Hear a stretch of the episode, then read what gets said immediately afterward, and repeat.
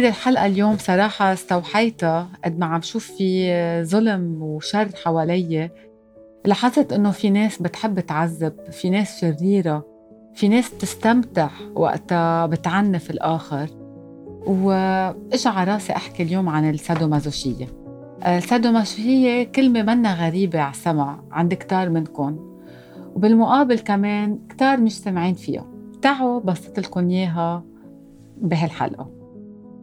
السادومازوشية كلمة بتنقسم لقسمين. السادو على اسم ماركيدو سادي كاتب فرنساوي اشتهر بحبه ولذته للتعنيف.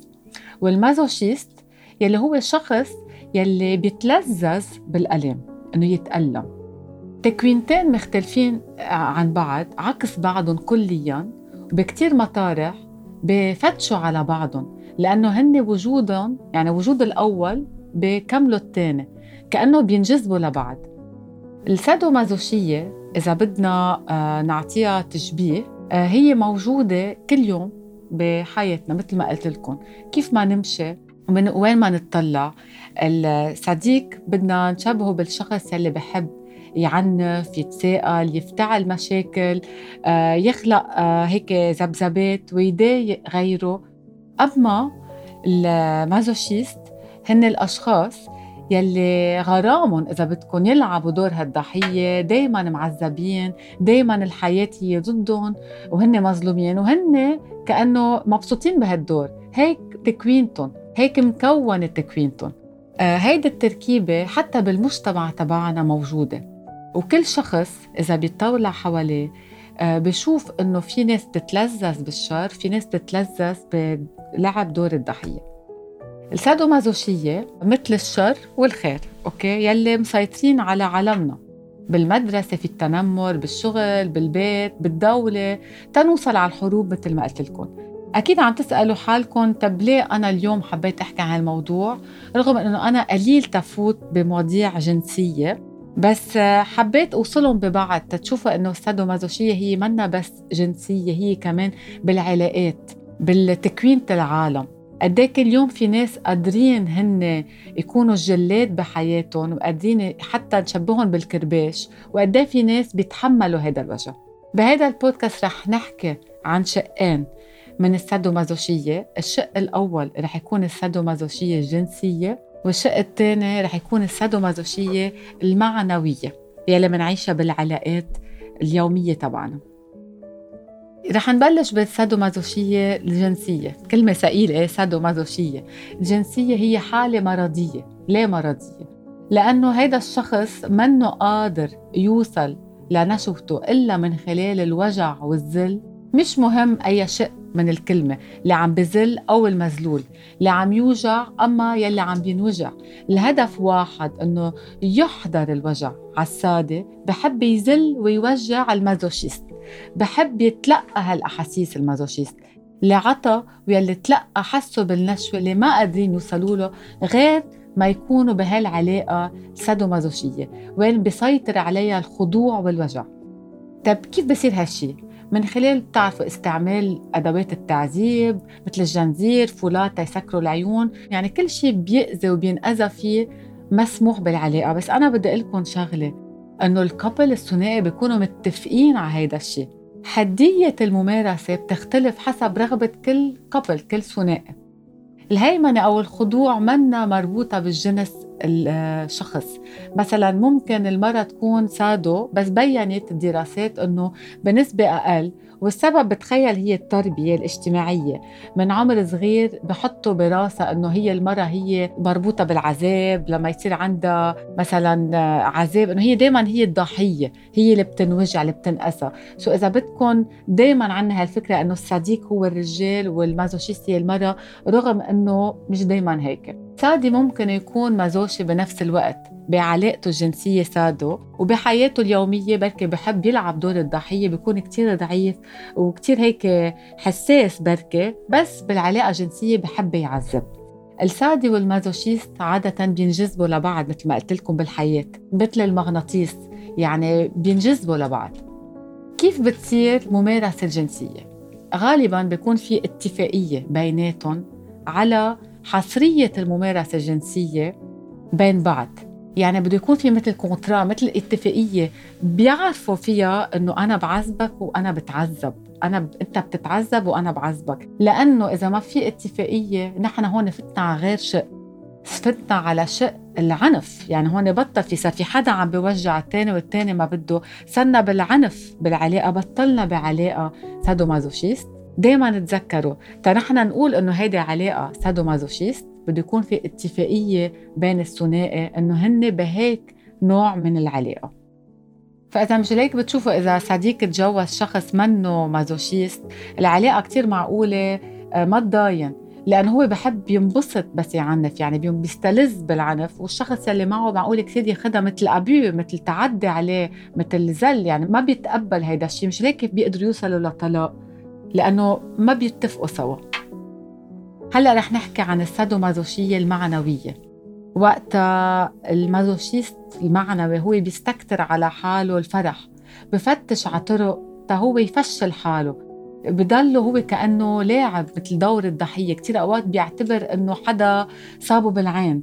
أما ما عنده حظ أما الحياة والله كلهم ضده. هيدي هي السادومازوشية. أما المازوشية المعنوية بيكون شخص ناجح وصحته منيحة. بس دايما بده يلاقي دراما تا يخرب فرحته ونجاحه ويحس بالفشل. آه هيدا الشخص عنده عقدة الدونية بيشوف حاله دايما أوطى من غيره.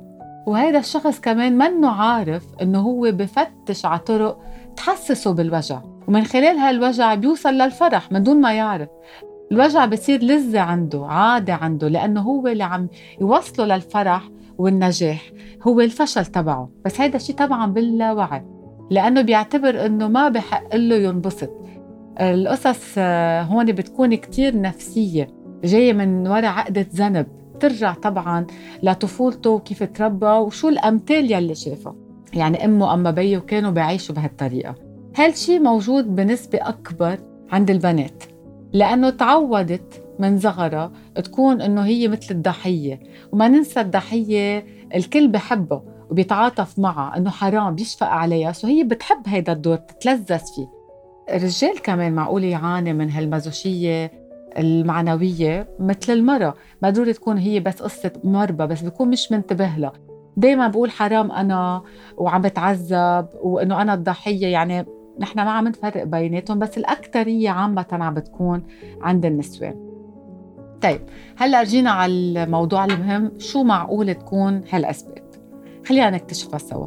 دائما نحن بنروح على الطفولة. من اثنين لثلاث سنين وممكن كمان أكثر التربية كثير لها دور. هون تربية البنت كمان بيربطوا لها صورتها بالوجع. بالتضحية. من خلال كلمات بنستعملها ما عليه؟ تنضربي ما عليه؟ آه، بيك عيط خيك أولوية. هون طبعا أنا عم فوت ببيئة معينة بتوصل على المدى البعيد لهيدا الشيء.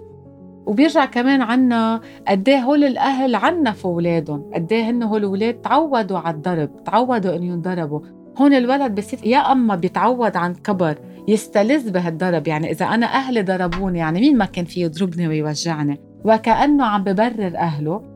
اولا ثانيا بصير كمان هو مثل بيعمل مثل يلي عملوا عملوه معه الايدنتيفيكاسيون على الاغريسور يعني إذا أنا أهلي ضربوني يعني أنا فيي أضرب فيي وجع.